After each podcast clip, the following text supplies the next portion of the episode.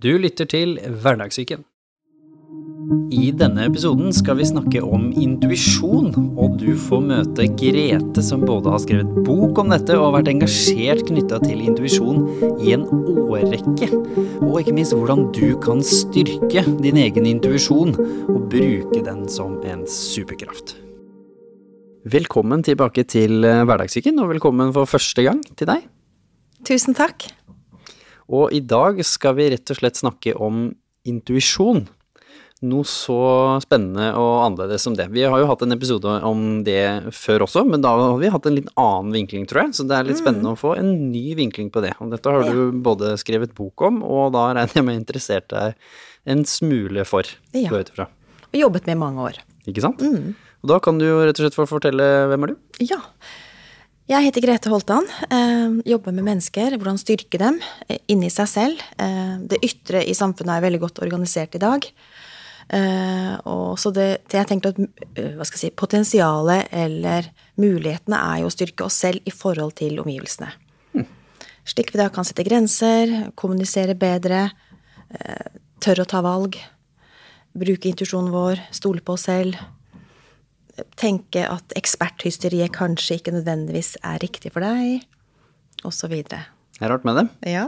Kan hende du har noe i deg selv som kan finne løsningen. Ikke sant? Derfor i samspill med ekspertene, da. Eller det ytre.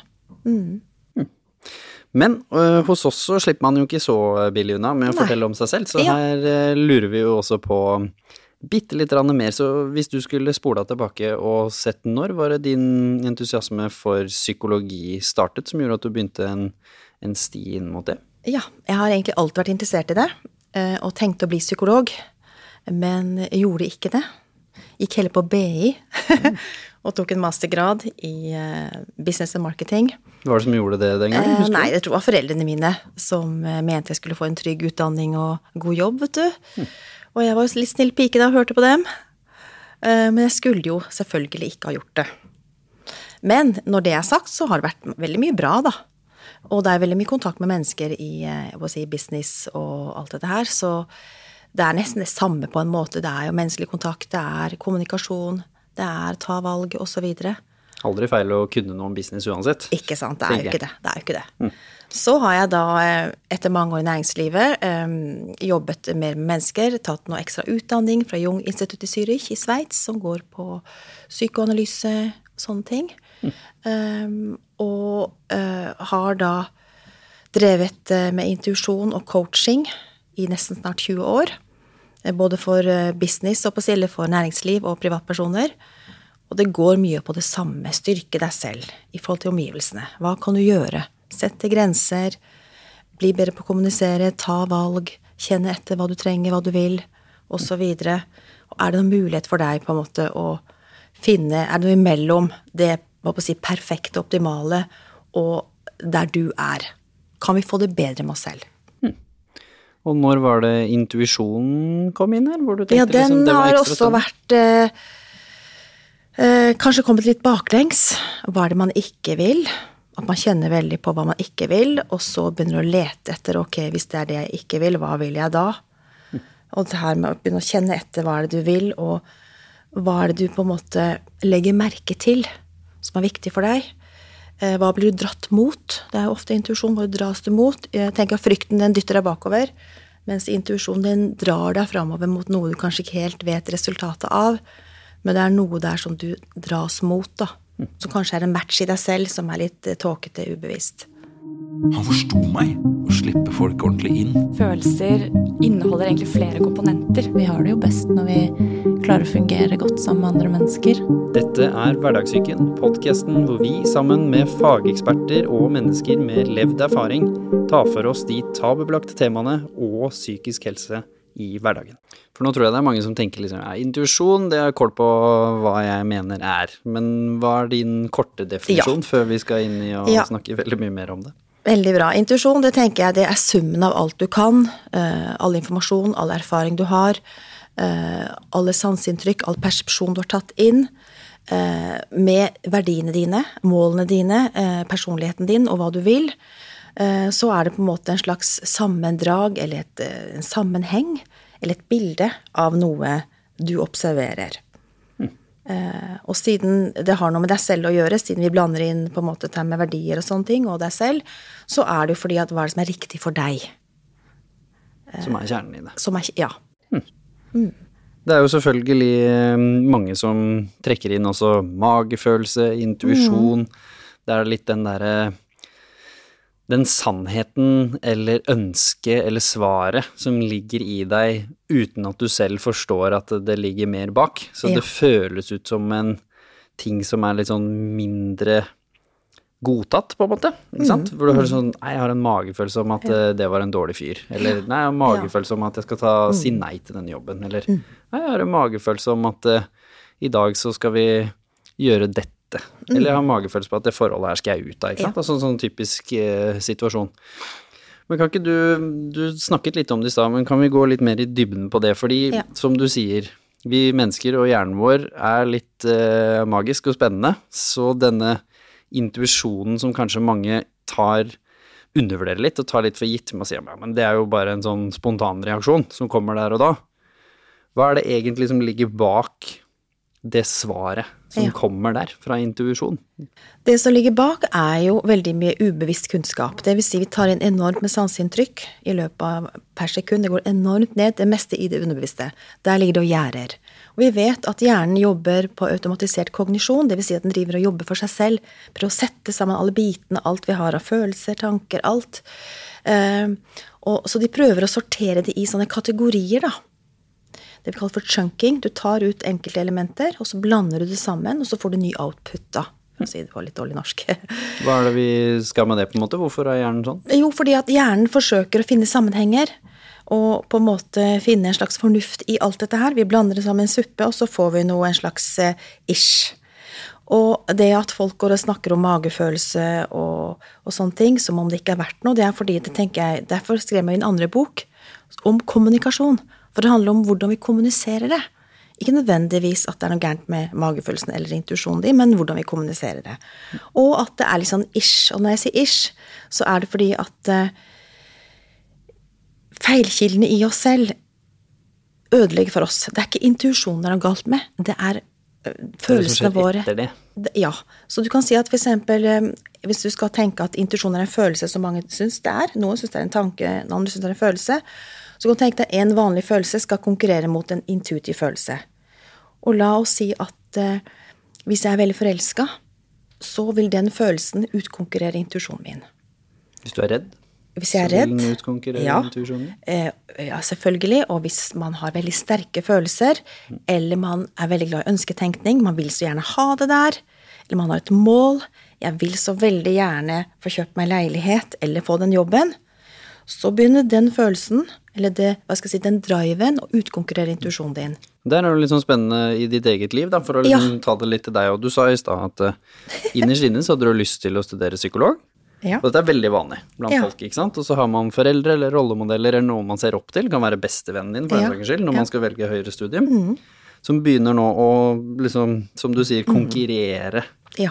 Med intuisjonen. Husker du litt tilbake den gangen fra de refleksjonene og de du hadde som gjorde at du til slutt kanskje landa på det motsatte av intuisjonen? din, da? Ja. For det er veldig vanlig, tror jeg, at Ja. mange sliter med. Ja, jeg tror det har mye med verdier å gjøre.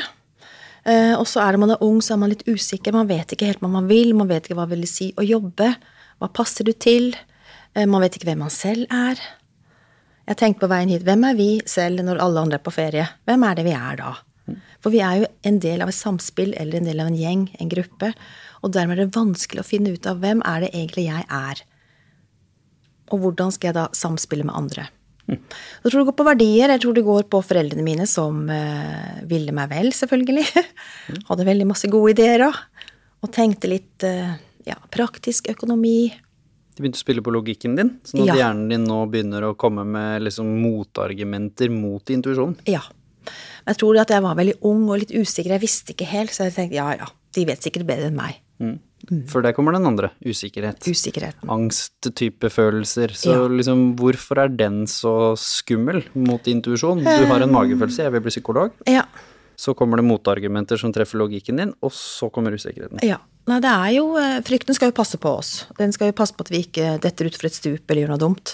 Så den er jo viktig. Den skal jo være med, og den må vi leve med. Eh, Så den skal på en måte passe på oss, og er dette her med å på en måte velge trygt. Eller hvis man er risikoavers, at man ikke, er så re- ikke vil så gjerne ut av komfortsonen, eller man tenker trygt, eller man kanskje er sånn, jeg vet ikke. Men, Mye av det i Norge. hva? Det er mye av det i Norge. Veldig mye av det i Norge. Og det er litt med kultur å gjøre. Og jantelov. Og historie. Så jeg tenker at det er så mange, Og det er litt interessant, for det minner meg litt om intuisjonen, at det er så mye mange ting som er blandet sammen. At det blir en slags suppe. Men likevel så er det mer enn fakta. Mer enn ting som står på et ark. Fordi det er mer informasjon som ligger ubevisst, eller som vi ikke har helt kontakt med, eller ikke er bevisst på, eller klar over. Vi vet ikke om ting. Eller vi er litt, det er litt ukjent. Jeg har ikke hørt om det før. Fordi du sa det litt sånn fint i stad, så sa du at intuisjon er jo tilgangen til all denne informasjonen vi har i hodet, som kommer der og da i det øyeblikket, og hvor vår superprosessor-computer inni hodet vårt, som vi knapt forstår, hjernen vår, kobler da sammen alt det du vet av kognitiv, objektiv informasjon, vi skal kalle det det, alle dine tolkninger av denne informasjonen på toppen av det, alle dine erfaringer Yes. med disse tingene som har gått eh, bra og dårlig, sant? Og på toppen av det hele da masse meninger og tanker fra andre folk, som du sier, som foreldre for eksempel. Og følelser.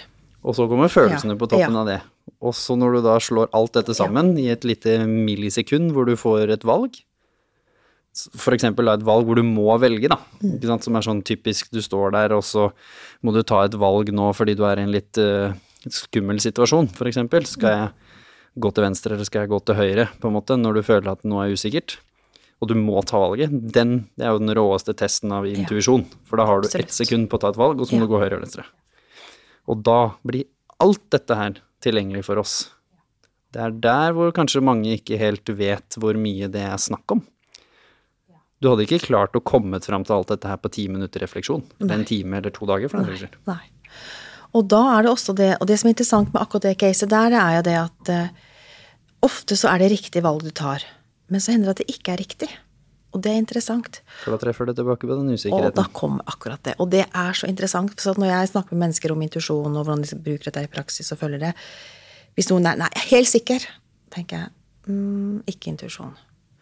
For intuisjon er litt usikkert. Du, det er noe som er litt sånn ish-aktig. Du har ikke helt, Det er ikke sånn A4 akkurat konkret sånn og sånn.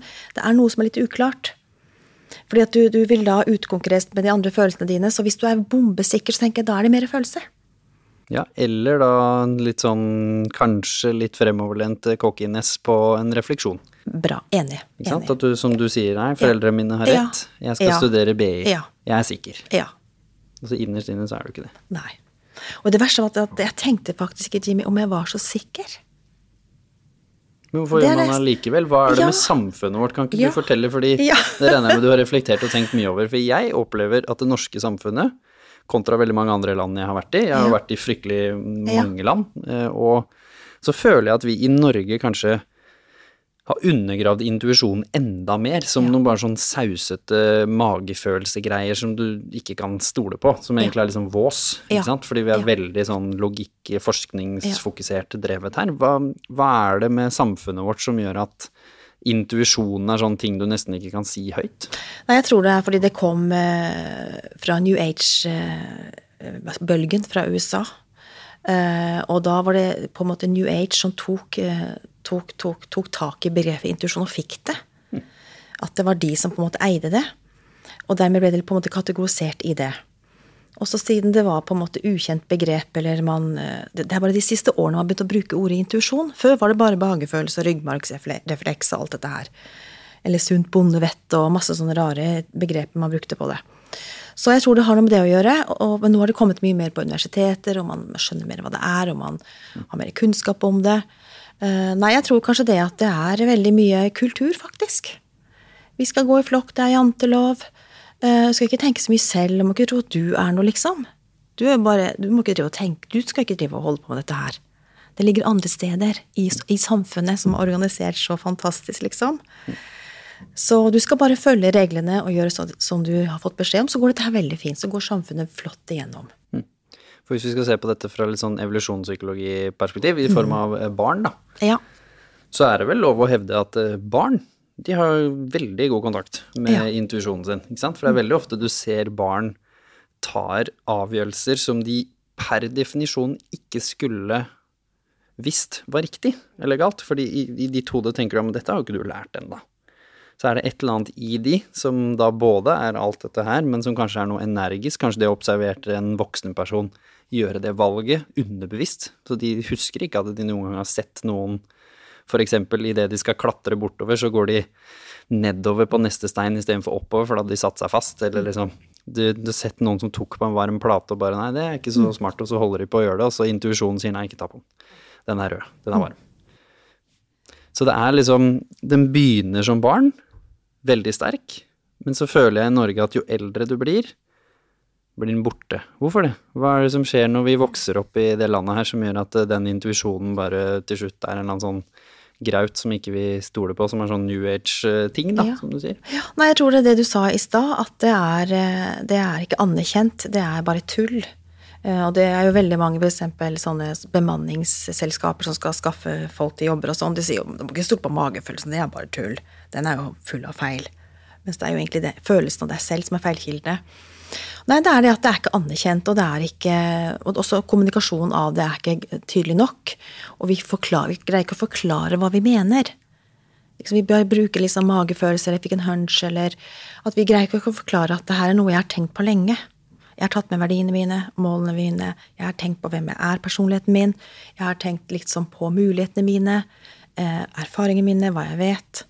Alt dette har jeg tenkt lenge på. Og det er interessant, fordi at til, til innspillet ditt, fordi at eh, mange tror at intuisjon er å skyte fra hofta. At du liksom er helt bortreist, og så bare jeg tar en beslutning, jeg. Men det er ikke sånn det er i det hele tatt. De som jobber intuitivt, jobber veldig mye mentalt. De har forberedt, de tenker case, de har tenkt på det lenge, de har testet ut, de har analysert. Det er nesten sånn når du får en slags eh, eh, sanseinntrykk eller intuisjon på noe, at det er sånn trigger. Da får du en bekreftelse på noe de allerede er forberedt på. Så det er ikke sånn at du går rundt med tomt hode hvis du bruker intuisjonen din. Det er nesten motsatt. Det er komplisert tenkning, det er mange elementer. Du går og undrer på ting, og du analyserer og tenker og holder på. Samtidig som du kjenner etter inni deg hva er det egentlig jeg mener om dette her. Ja, for der går vi liksom på noe av kjernen med det, som du sier, det å kjenne etter. Ja. Ikke sant? Fordi som du sier at uh, veldig ofte så kåler vi det til i form av at intuisjonen, og så kommer det sånn to-tre kjappe lag oppå toppen, som er liksom frykten, usikkerheten, der, der, der.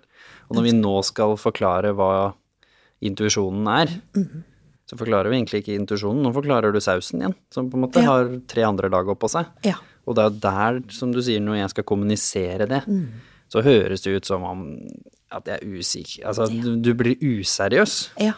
Og jeg føler du i hvert fall ikke kan si det i jobbkontekst. Nei, du du kan ikke det. Og veldig mye av den boka mi på intuisjon går jo på det hvordan skal du kommunisere intuisjonen din, så det blir på en måte respektert. Og veldig ofte, det er et eksempel, det er mange eksempler fra virkeligheten, det er en som skal ansette en person, eh, som får en dårlig følelse, og håper at han tar feil. Og lar andre teste og sjekke litt mer ut. Eller når du, sånn typisk, jeg har masse jentevenner som da treffer en kar, og så får de en dårlig magefølelse. Ja. Men så er det så mye logisk bra her. Ja, men han er jo en fin fyr, han er snill, han ble anbefalt av en venninne. Ja. Jo, men det, det kan være sånn trygghetsting òg. Anbefalt av en venninne, det er kompisen til en venninne av meg.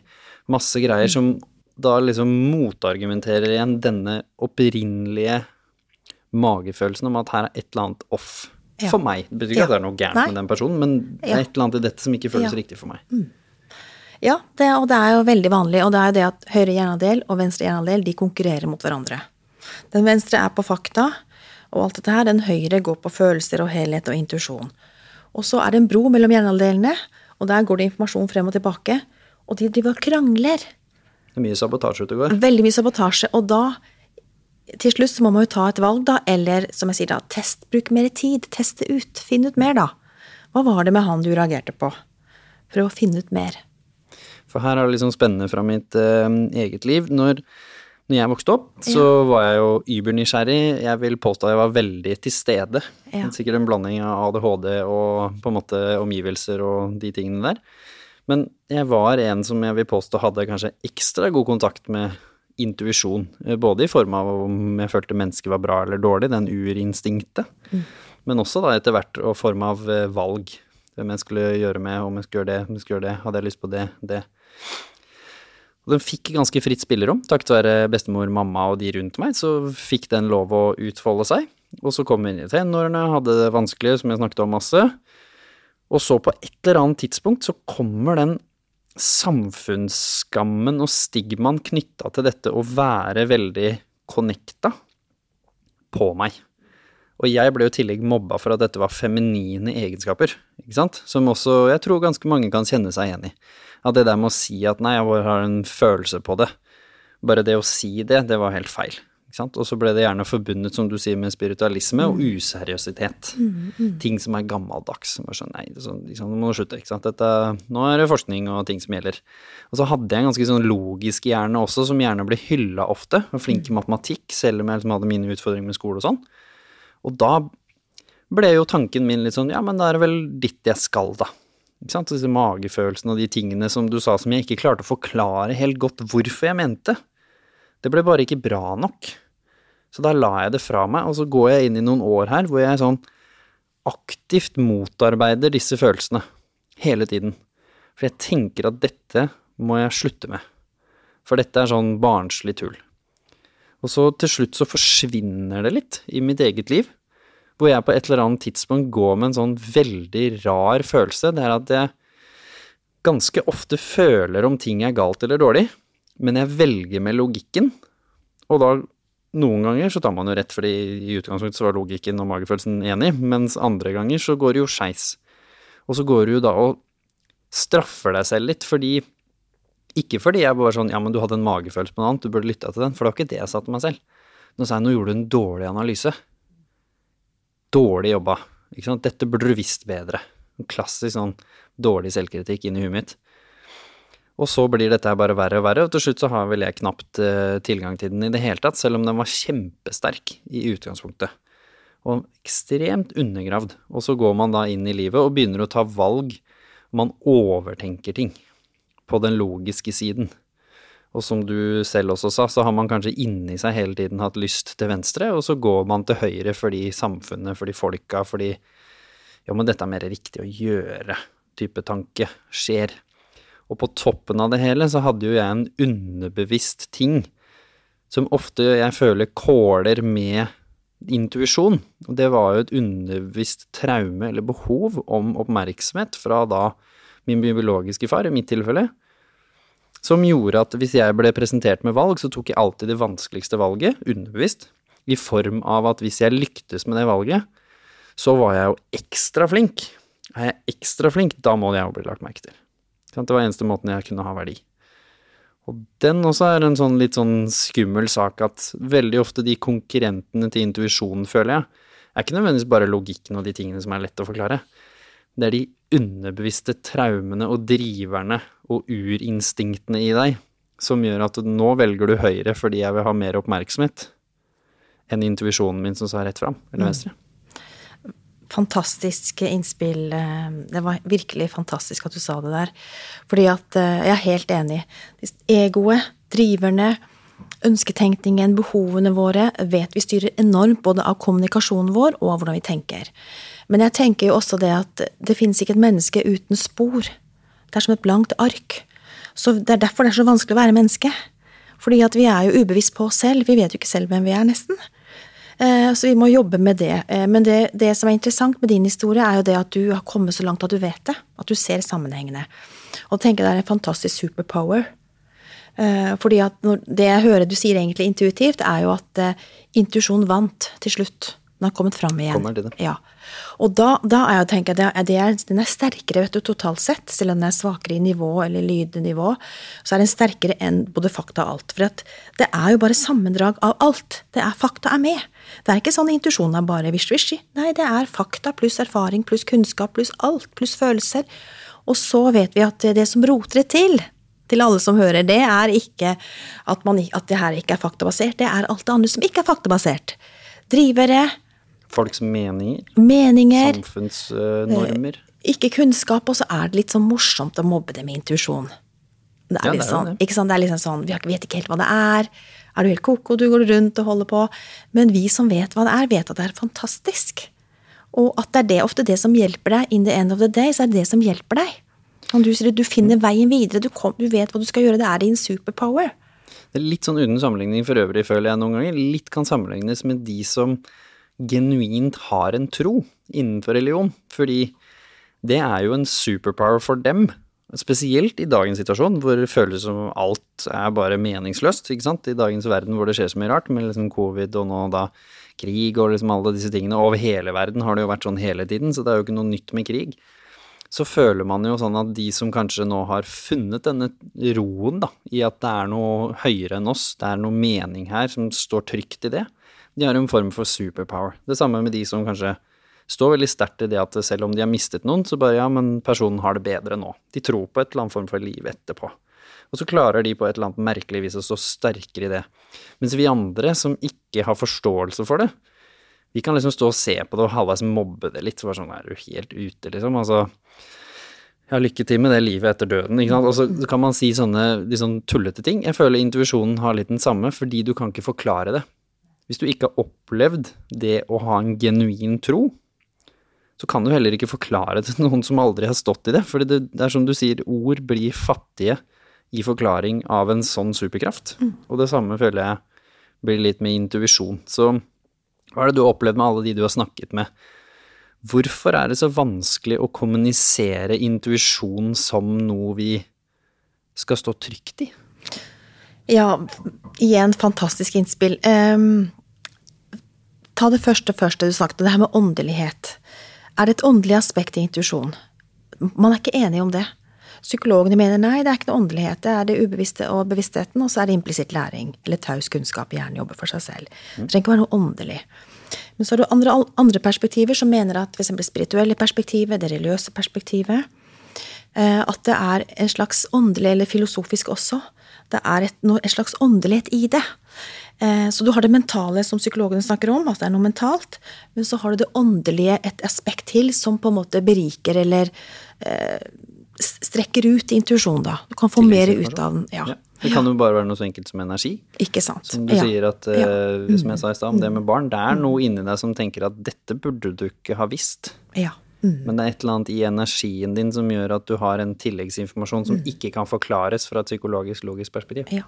Det med barn er interessant, for vi vet at hjernen utvikler seg masse nå i cortex foran her. Og jo mer den utvikler seg, jo mer vi bruker frontallappen og sånn, eh, jo mer kunnskap og informasjon kan vi forvalte på samme tid. Så du kan si at det er en del av evolusjonen og utviklingen av hjernen vår. Og, og jo mer vi bruker uh, frontallappen, jo mer intuitiv kommer vi til å bli. Vi kan se parallelle ting på en gang.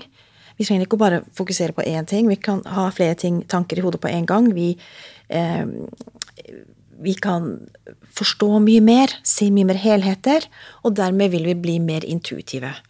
Men når det er sagt, apropos intuisjon, så må jeg jo si at nå er det i ferd med å snu. fordi at de som ikke har hørt om noe spiritualitet eller sjel eller intuisjon, de begynner å bli helt akterutseilt.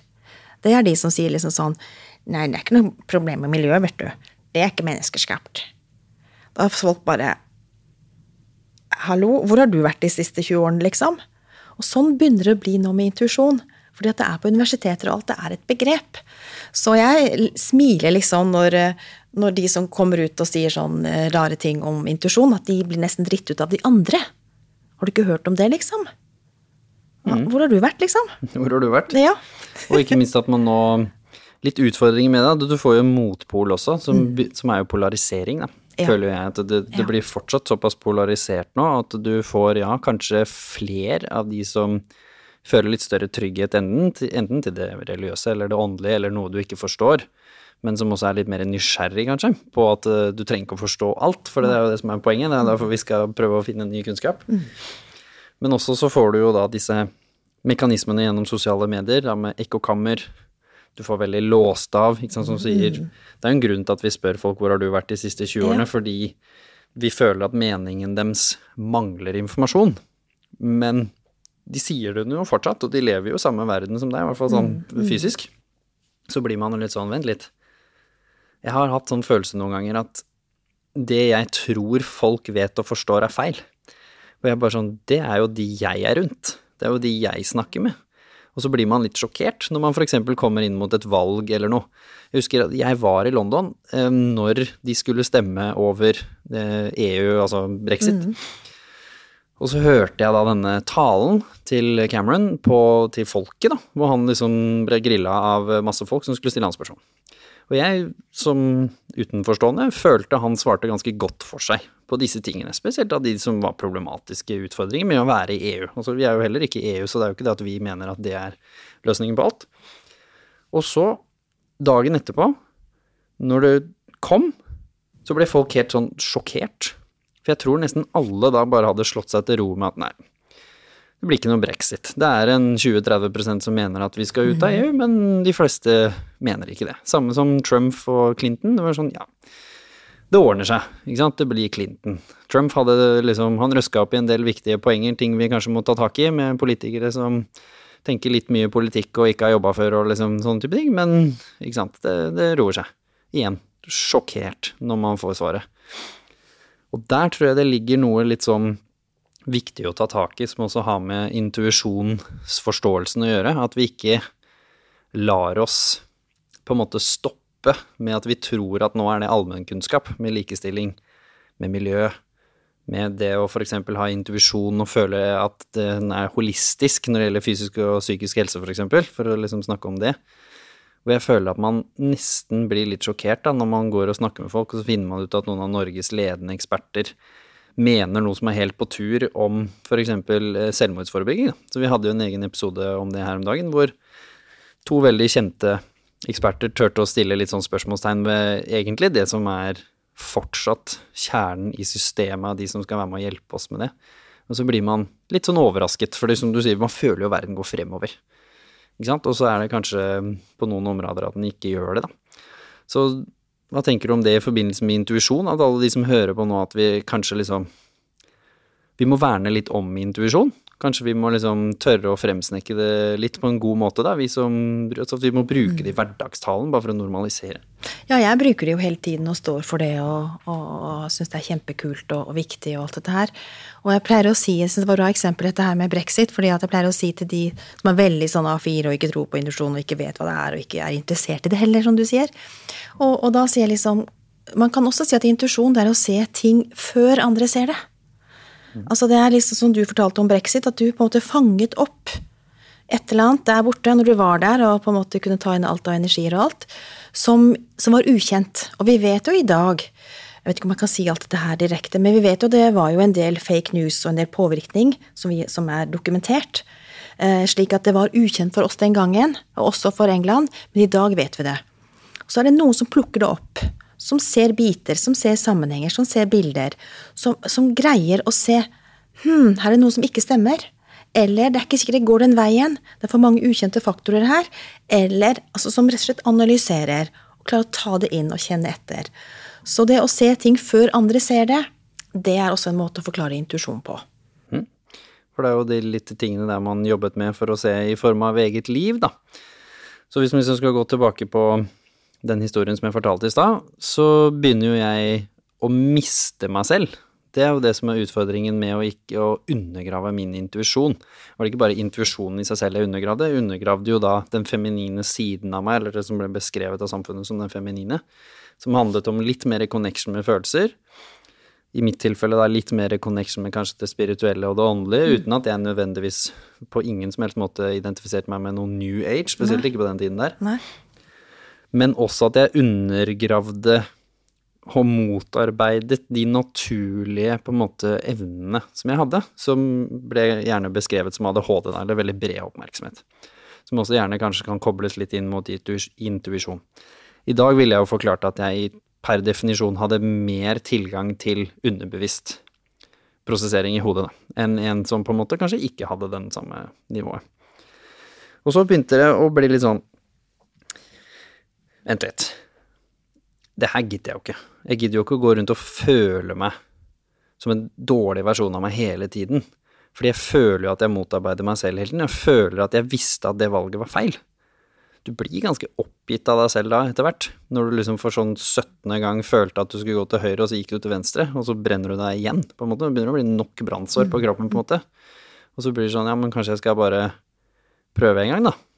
Og lytte til denne intuisjonen. Og så gjorde man det, så bare Oi, det gikk jo veien. Og så sånn Oi, det gikk jo veien igjen, sier du. Men så kommer den derre litt skumle kryssstien. Det er da når du tror du følger intuisjonen, og kanskje til og med følger intuisjonen, men så tar du feil. Og så i hodet ditt så forventer du at det må jo være en 100% suksessrate. For hvis ikke så kan vi ikke tro på intuisjon. Den føler jeg hindrer mange. Og da putter du intuisjonen ned i kjelleren, låser døra, og så snakkes vi ikke mer med den. Veldig vanlig. Og jeg pleier å si at hvis du ikke kan leve med at det er feilkilder her, og at du ikke vil jobbe med deg selv for å finne ut hva er feilkildene dine, så kan du, må du bare la intuisjonen jobbe litt av seg selv, da. La den komme når den kommer, og så driter du i det, liksom. Men hvis du har lyst til å bruke det som et verktøy, som en superpower, som en veileder, som på en måte er trofast mot deg, da, som tenker faktisk på deg, ikke på noen andre, som ikke har andre motiv bak det den skal komme med, da er det viktig å at man er litt eh, jeg håper å si, analytisk, har jobbet med seg selv. Man vet man har litt sår og litt triggere og litt arr og sånne ting, og det er det som er vanlig for de fleste av oss. Og, og, når du da kan bli bevisst på hva er det som ødelegger for meg intuisjonen, er det sånn at jeg ser veldig mange mørke skyer på himmelen hver gang og ikke tør å følge? Eller er det jeg ser ingen mørke skyer? Ønsketenkningen 'å nei, det skal skje', 'å jo da, dette går bra'. Eller er det det at jeg ikke vet på en måte hva er det som forhindrer meg i det? Uh, og fordi at uh, hvis du tenker at fakta er tallet én, så er intuisjon pluss fakta mer enn én. Og da er det interessant uansett. Om du vil ha det 1,1, er greit, men hvis du kan buse det opp til 1,7 for eksempel, så er det superpower. Men da må du lære deg å jobbe med uh, informasjon som ikke er 100% korrekt. Det må ikke være noe problem for deg. Og det vi snakker om gjør vi det, da? Ja, det vi Hvis vi skal da, gå tilbake på liksom Ja. ta dette litt sånn rolig steg for steg. Hvis Ja. vi kommer inn nå, litt Ja. i den følelsen jeg hadde Du føler du har undergravd noe naturlig i deg. Mm. Du plutselig skjønner det sjøl, at her er det et eller annet som er off. Eller du skjønner ikke det sjøl engang. Jeg bare kommer til en coach eller en psykolog og bare sier. Livet mitt er skit. Jeg, liksom, jeg får ikke til de valgene. Jeg føler ikke at jeg er i ett med meg selv. Jeg føler meg dritt. Mm. Hvor begynner man nå, da, hvis man skal liksom begynne å jobbe med intuisjonen som en av mestringsstrategiene for å komme seg fremover? Ja. Det jeg tenker da, er jo det at det er ikke sikkert at du har undertrykt intuisjonen din. Du har bare brukt, fokusert på andre ting som var viktig for deg. Så intuisjon, den er jo hele Den jobber av seg selv, den. Den blir ikke borte, men du brukte den ikke når du tok valg. Men jeg tenkte at du hadde behov for, og det her er bare synsing, jeg aner jo ingenting om deg, eh, at Eller en slags antakelse, da, eller en hypotese, da. At eh, du trengte å jobbe med de andre tingene. Du måtte jobbe med det, du trengte å jobbe med det, og få på en måte litt bevissthet rundt det. Og dermed var det ikke plass til intuisjon så mye, for det presses deg litt fram, eller du ønsket å jobbe med det. Og dermed har du lagt intuisjon litt på is, men det ligger jo liksom og lurer hele tiden bak der. Eh, så når du da fikk oversikt eh, og bevissthet på det andre, så var det lettere, da var det mer plass til intuisjonen. Og da kom den inn. Men alt dette her er jo på en måte å bli kjent med deg selv, så du kan bruke intuisjon på riktig måte. Ja, for hvordan skal vi nå begynne å skale av de tingene som hindrer oss i å bruke intuisjon til noe positivt? Ja. Hvis for eksempel du er redd for å ta feil valg, eller få konsekvenser, eller bli dritt ut eller ledd av, eller hva det er, så har jeg noe som heter exit-strategier. Vil si at vi går veldig forsiktig sakte frem, og vi har en exit-plan på hver eneste på å si, valg vi tar. Hvis det skjer, nei, det kan jeg ikke leve med, da må jeg få løpe tilbake igjen, fort. Så da jobber vi med det motsatte, med exit-planer, slik at du har fire exit-planer på ett valg. Har du et eksempel på et valg som er Eh, veldig ja. vanlig her, da? Jeg har masse eksempler i boka mi på dette her. Eh, det, ja, det er eksempel hvis du skal eh, ha lyst til å eh, prøve å få deg en ny jobb, eksempel, eller om det er studie, eller ting du har lyst til å gjøre som du ikke tør, eller ikke tror du har tilgjengelig, og er redd for å feile. Som du er redd for å gå ut av, eller Ikke? Ja. bytte jobb Ja. fordi du står i en livssituasjon hvor du føler at Ja. dette, dette plager meg psykisk. Og veldig, veldig bra eksempel, for det er der vi ofte er i dilemmaer. Det er vanskelig, det er uoversiktlig. Det er ikke det at vi ikke har fakta på bordet. Det er ikke det som er problemet. Nei. Vi må ha mer enn fakta. Vi må ha verdiene, målene, hva som er best for oss, personligheten vår, osv. Og, så og de fryktene våre, og det som kan måte velte lasset. Vi vil ikke at det skal skje. Og det jeg tenker da, da er det viktig, og når du da kjenner en slags tvil, da, hvis du skal eh, prøve å finne en jobb eller gå ut av et forhold, så er det å ikke undertrykke følelsen, men ikke bli redd av den. Bare nysgjerrig? Ja, altså ikke tenk at selv om jeg tenker dette her, er det noe farlig? Så det vil ikke skade forholdet ditt eller deg selv, eller den andre så lenge du tenker det. Så bare tenk at en, det her er mentalt, åndelig arbeid kanskje for deg. Så da, la den komme den følelsen. Begynn å tenke. Hvorfor ønsker jeg å komme ut av det forholdet? Eller hvorfor ønsker jeg en ny jobb? Eh, hva er det i meg som sier det? Og hva er det i det rundt meg? For at det er vel lett å bare se på seg selv. Det er jo klassisk. For nå må vi begynne å være bevisst på ting som kan stå i veien for intuisjon. Og så må Ja. vi skille mellom hva som er intuisjon. Så hvordan gjør man det? Hvilke ting må du nå begynne å spørre, eller hvilke spørsmål må du spørre deg selv for å klare å passe på at eh, det er andre ting her som vi nevnte i stad som Ja, Først er det liksom hva, hvor kommer følelsen ifra? Anerkjenn følelsen, skriv den opp. Eller tenk for deg selv, skjul det du har, da. Begynn å la det gro inni deg, la den tanken, den tvilen, gro litt. Og still deg selv spørsmål hvorfor vil jeg ut av dette her? Eh, Og så, når du har sett på deg selv, som vi ofte gjør først, og, og med på si negativ fortegn, og vi klandrer oss selv, og hva er det med meg, kan ikke jeg nå endelig være her? Hallo, hva er det som er galt med meg? Som vi har lært opp til å tro. Spesielt hvis du kanskje har en bra jobb. Ja, Ikke sant? Eller ja. av samfunnets mm. jantelov er sett til å ha et godt liv. Du kanskje har uh, fått barn, Ja. du har huset, du har bilen. Ja. Men jeg har jo bra jobb, og så sitter du der. Jeg, som, jeg satt jo i Singapore som expat i en veldig bra jobb, Ja. og liksom de, til og med de som mobba meg da jeg var yngre, Ja. sendte meldinger, ikke sant, som er sånn typisk eh, Traff jo det Da såre er jeg plutselig punktet gode med venner med deg. God venn igjen. ja, eller bare Ja. sa de syntes det var skikkelig kult og stolt og så litt opp til meg og sånn. Da er det veldig vanskelig å anerkjenne at du inni deg så har du ikke lyst til å være her, og du har egentlig en ganske vond følelse, og du føler deg som mislykka. Mm. Den sitter langt inne å snakke om, da. Vet du hva faren min sa til meg når jeg begynte å jobbe med intuisjon og sånne ting, og sto for det? Helt alvorlig, uten at han var negativ mot meg. Driver du fremdeles på med det tullet ditt, Grete? Og det sa han ikke fordi at eh, han prøvde å mobbe meg eller være slem, men han skjønte, da kom det du snakket om i sted. Han er et annet sted, han skjønner ikke hva det handler om. Og det er da jeg tenker vi kan kanskje trykke på den knappen som du egentlig var inne på i stad. også, nei, men Det er jo de som er akterutseilt og ko-ko, det er jo ikke meg. Jeg har jo satt meg inn i dette her. Det er flere andre i verden også som er opptatt av dette her, det er ikke bare meg. Han vet ikke noe om det.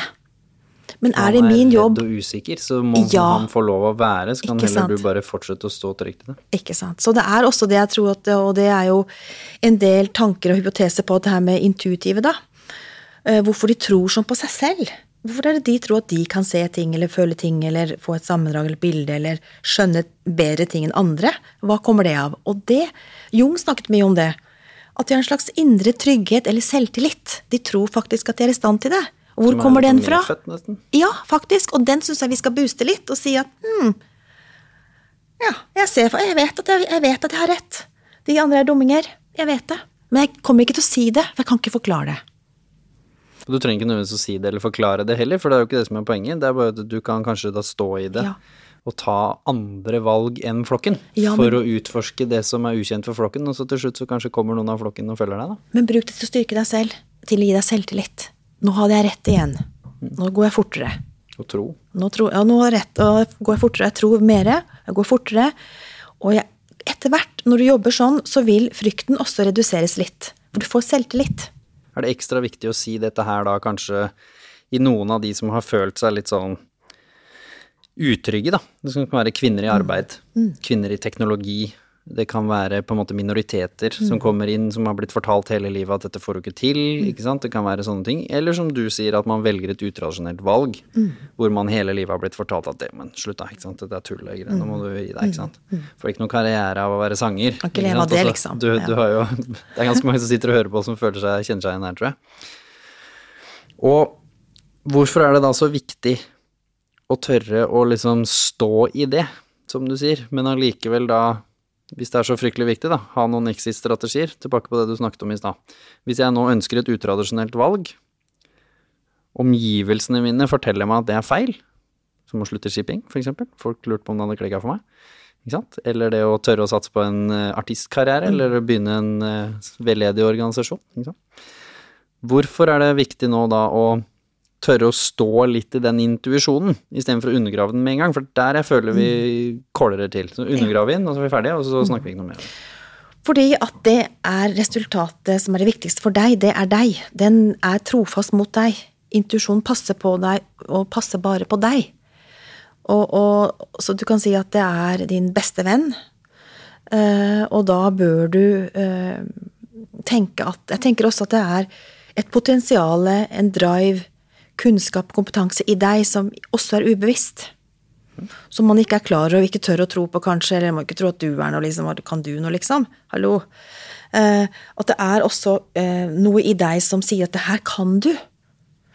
Og hvis du tenker liksom på at du har det livet vi har nå, da, at da hva, Hvis du tenker at det er en slags eh, framdrift overlevelsesmekanisme, at vi skal på en måte gjøre det beste vi kan, sånn eh, hva skal jeg si, biologisk eller revolusjonsmessig, så ligger det et, en drive eller et behov i oss å tenke på det, gjøre det, eller være interessert i det, eller gå mot det.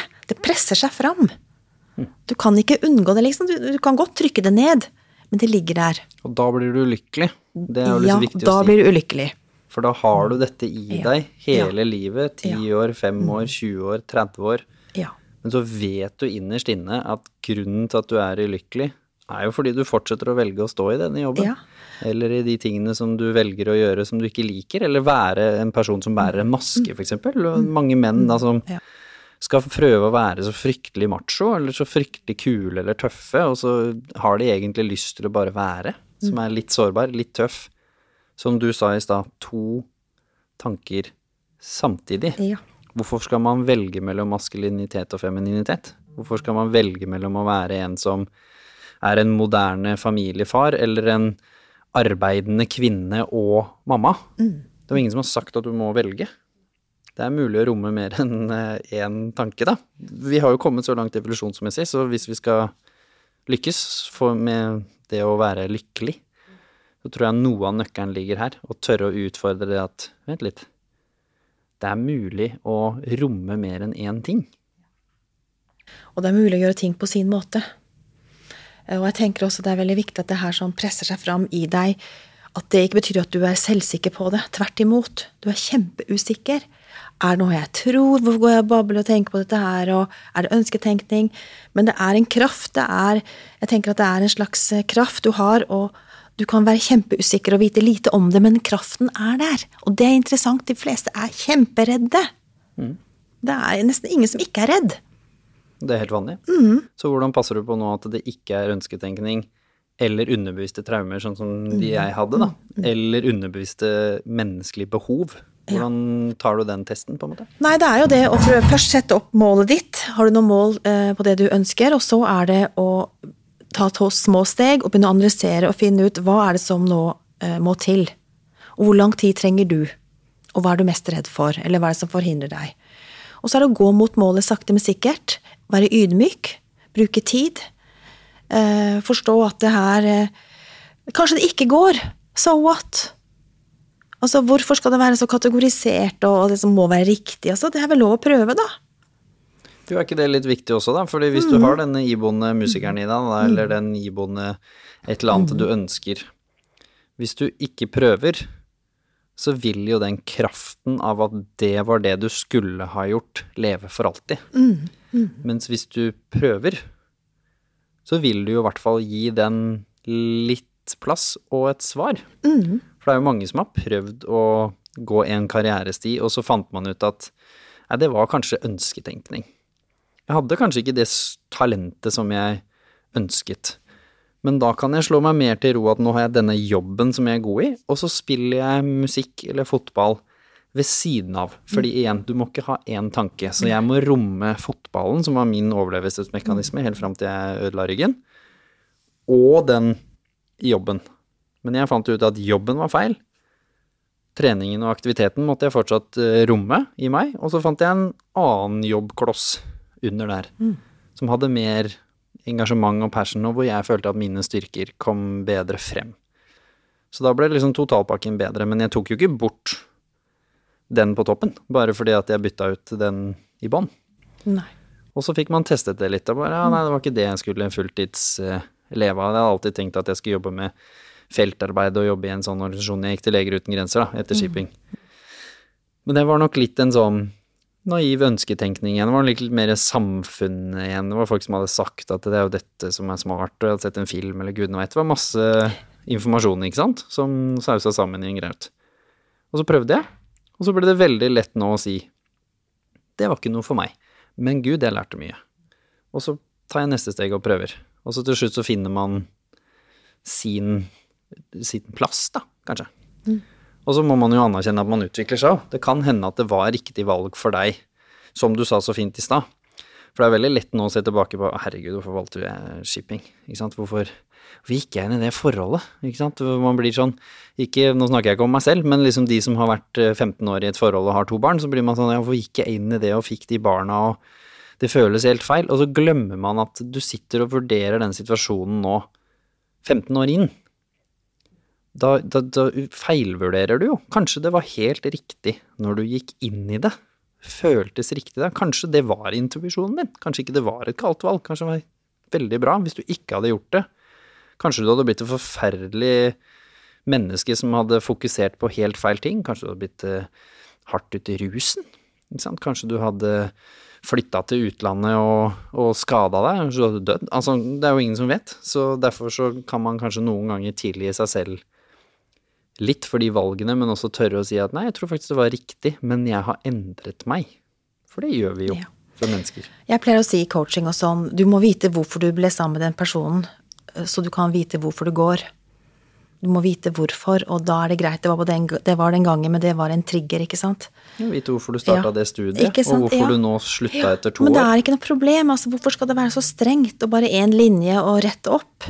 Kan man ikke, livet er jo, kan man ikke styre. Eh, og ting skjer, og, og ting skal skje. Så det er mer liksom å prøve å surfe med og se og, og tenke på at det er spennende og gøy. Mm. Det utvikler deg, det gir deg masse ny kunnskap. Og så som vi sier nå, helt, helt til slutt nå, hvordan skal du liksom dra den superpoweren opp? Alle har det i oss, men noen kanskje litt sterkere. Og så tar man valg som av andre blir sett på som litt sånn gæren. Noen av de valgene jeg tok, det hoppa til Singapore, jeg svarte på noen sekunder. Ikke sant? Sammen med Afghanistan. Jeg var helt sikker. Jeg spurte folk rundt meg og stilte spørsmål bare fordi jeg følte at det var det riktige å gjøre, men innerst inne så hadde jeg valgt det uansett, hvis jeg skal være ærlig på det. Og um, en annen person som har vært eh, veldig nær meg, har liksom enda flinkere enn meg igjen til å anerkjenne sin intuisjon, og har ikke hatt den samme kampen med den som meg. Så hun har fått muligheten til å utvikle den veldig godt. Og der er det også den derre Hun føler nok hele tiden at når hun tar valg, så må hun unnskylde det og forklare det til de rundt seg, fordi de forstår ikke hvordan det valget kan bli tatt. Hvordan skal man stå trygt i det? Nei, det Først og fremst må du jo selv vite at det er riktig, eller det er sånn du vil gjøre det. Og så er det jo to valg, tenker jeg da. Enten kan du bare le av de og tenke ja, ja, de, det er ikke noe vits å bruke tid på det og forklare det, fordi de er ikke der. Eller så kan du da bruke kommunikasjonen din eh, til å, å, å si at det her jeg tenkt på lenge. Altså legge faktabaserte argumenter inn, da. Eller rasjonelle argumenter inn. Og, og, eh, og du kan også til og med være ærlig og si 'jeg har ikke noe valg lenger'. Eh, Jeg må videre. Jeg er ferdig her. Jeg kan ikke det er, det er, Jeg må videre. Det er bra for meg. Jeg gleder meg. Dette blir fint. At man legger litt i motivasjon og klarer det på liksom Dette er noe jeg har tenkt på lenge. Dette er gode argumenter for, eller Eller bare, bare helt ærlig. Dette er riktig for meg. Dette blir knallbra. Dette føles riktig. Det fordi én en ting er de store valgene som vi Ja. har snakket mye om nå. Men intuisjon kommer jo i de små valgene òg. Det kommer jo når du vil på den restauranten Ja, istedenfor ja. den. Det kommer fordi du tok den matretten istedenfor den.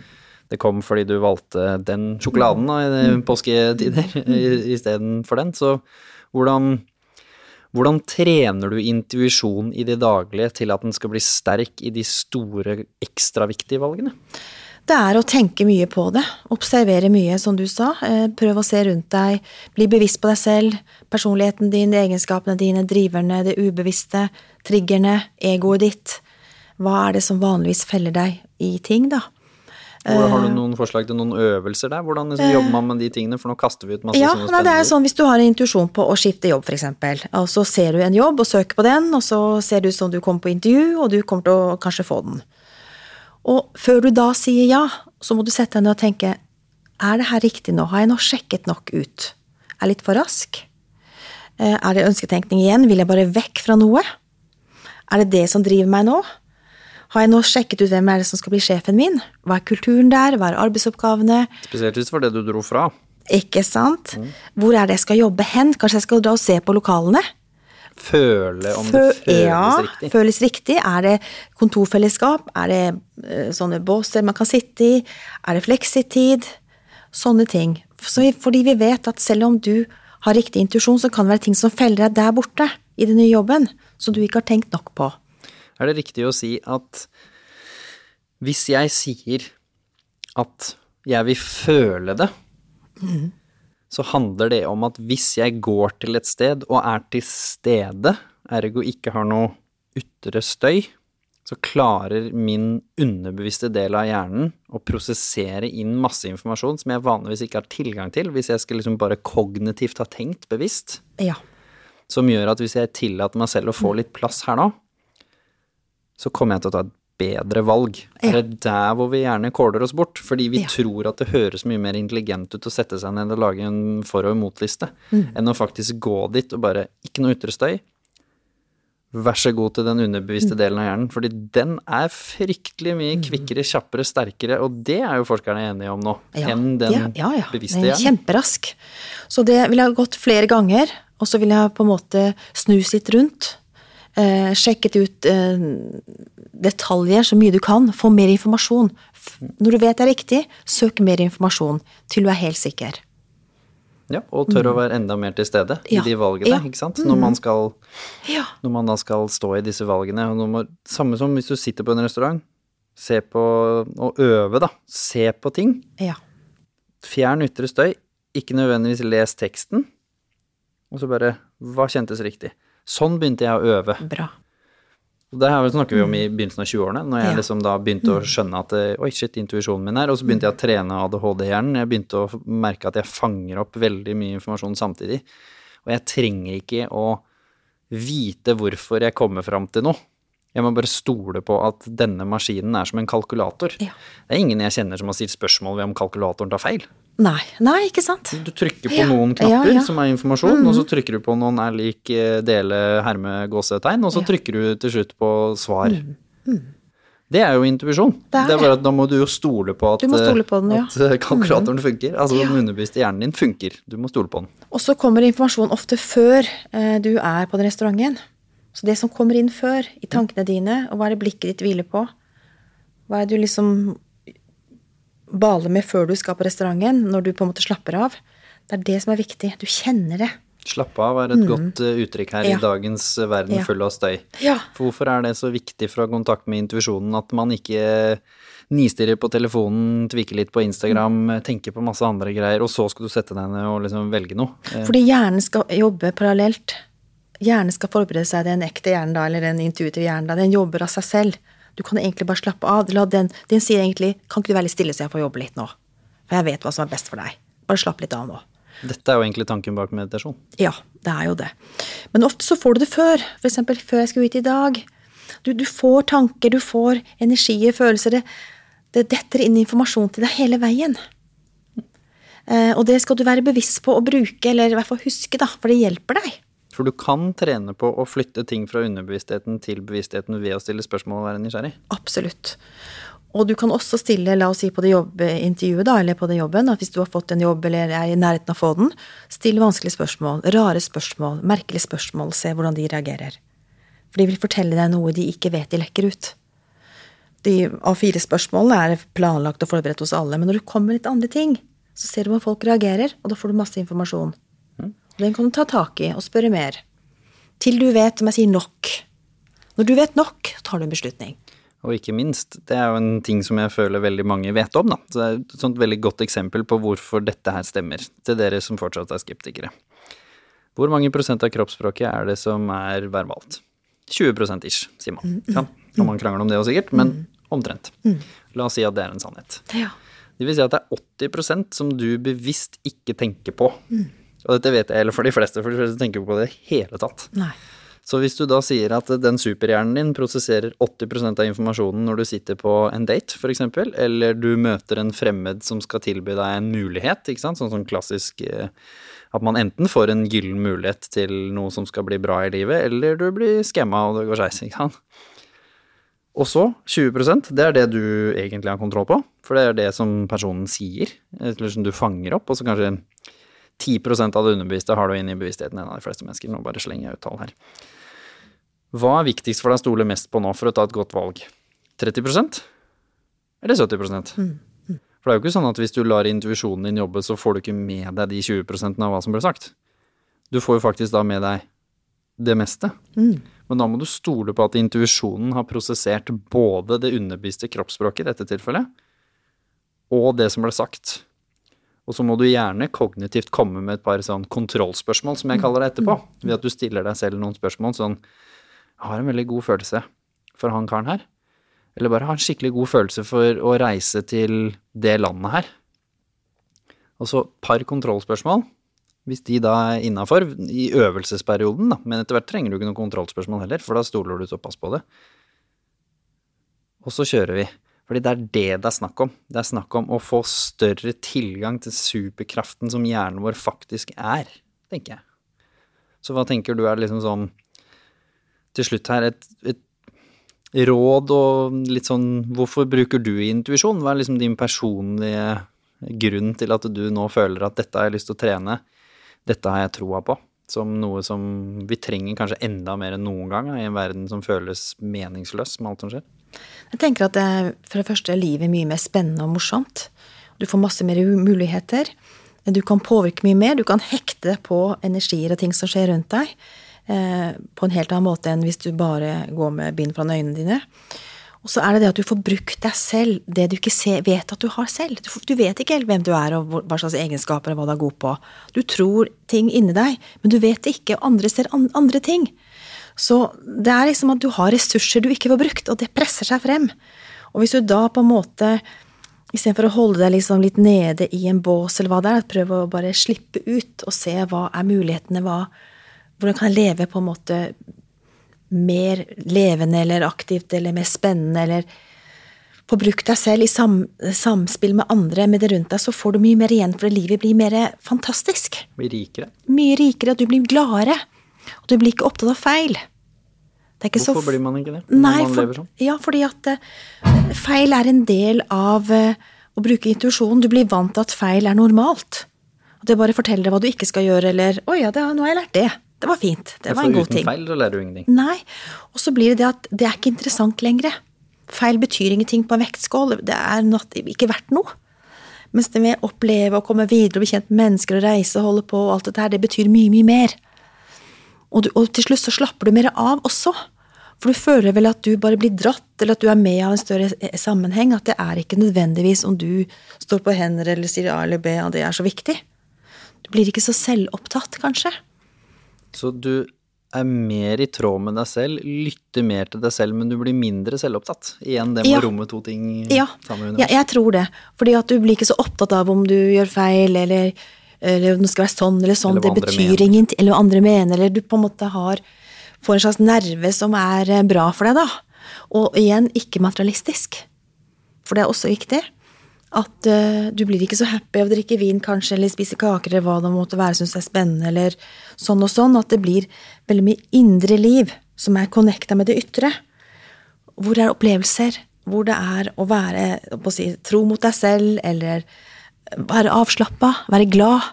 Og oftere velger du da valg som gir deg mer, som f.eks. Ja. når du er på en kafé, istedenfor ja. at du tar det valget som virker som det sunne eller riktige valget, så kanskje du tar eplekake for det minner deg om bestemora di. Ikke sant. Og så får du den varme, fine mm. opplevelsen hvor du mm. sitter og tenker på bestemor som ikke er med deg lenger, og så blir ja. du glad, og så ja. smiler du litt, og så har du kontakt med følelsene dine.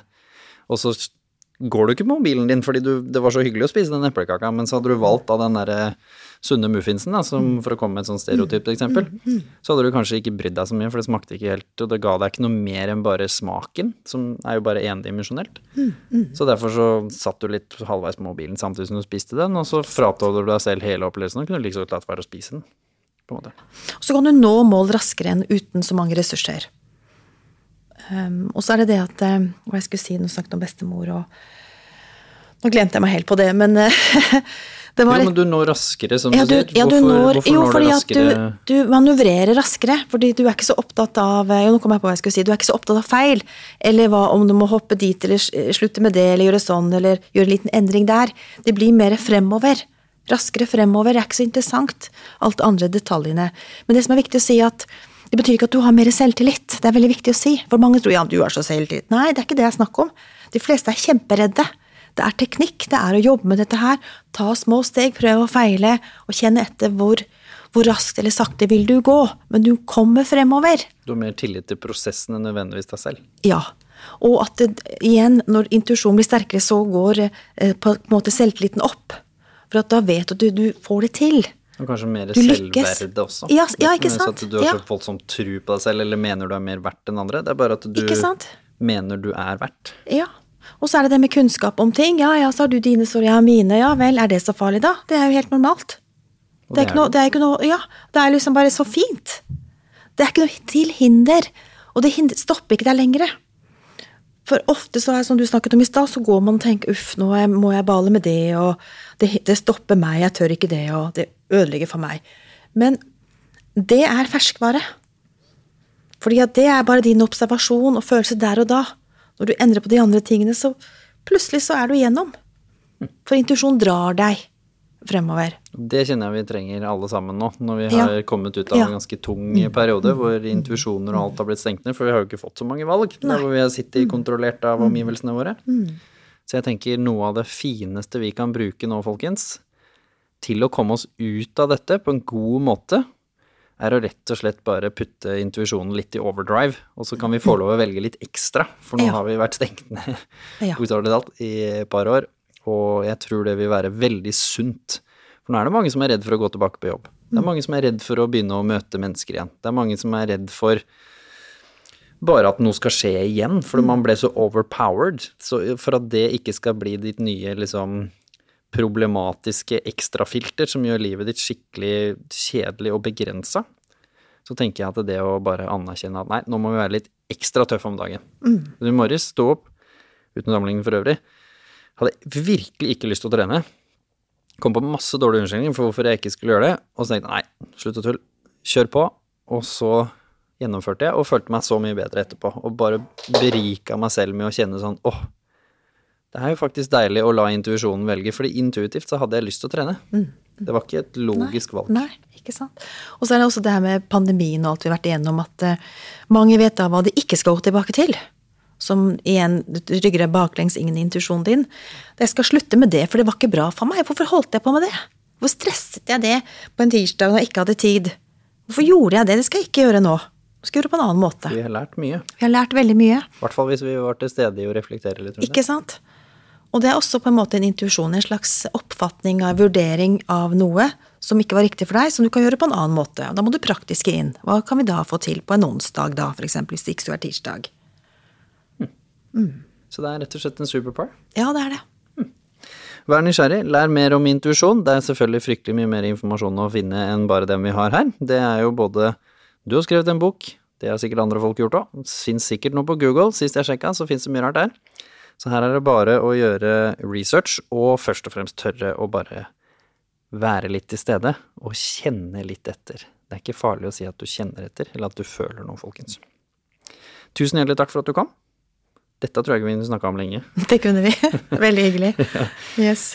Helt nydelig. Tusen takk til alle dere som lytter på. Husk, bruk intuisjonen din til å dele denne episoden og være med å skrive det som kommer til deg når du gjør den, for det er litt viktig for å være med å spre denne kunnskapen til andre mennesker.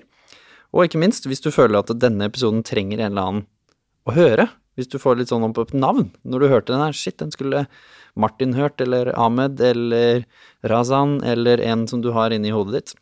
Send den av sted, da vel. Hva er det du er redd for skal skje? Så bare sier du den her syns jeg var fin. Hva syns du? Ferdig. Og skriv gjerne en eh, review altså, til oss, for det er ekstra litt hyggelig. En intuitive review. Ikke overtenk hva du har tenkt å skrive. Skriv det som kommer til deg. Dagens ekstra utfordring. Ha en så intuitiv dag som mulig, folkens.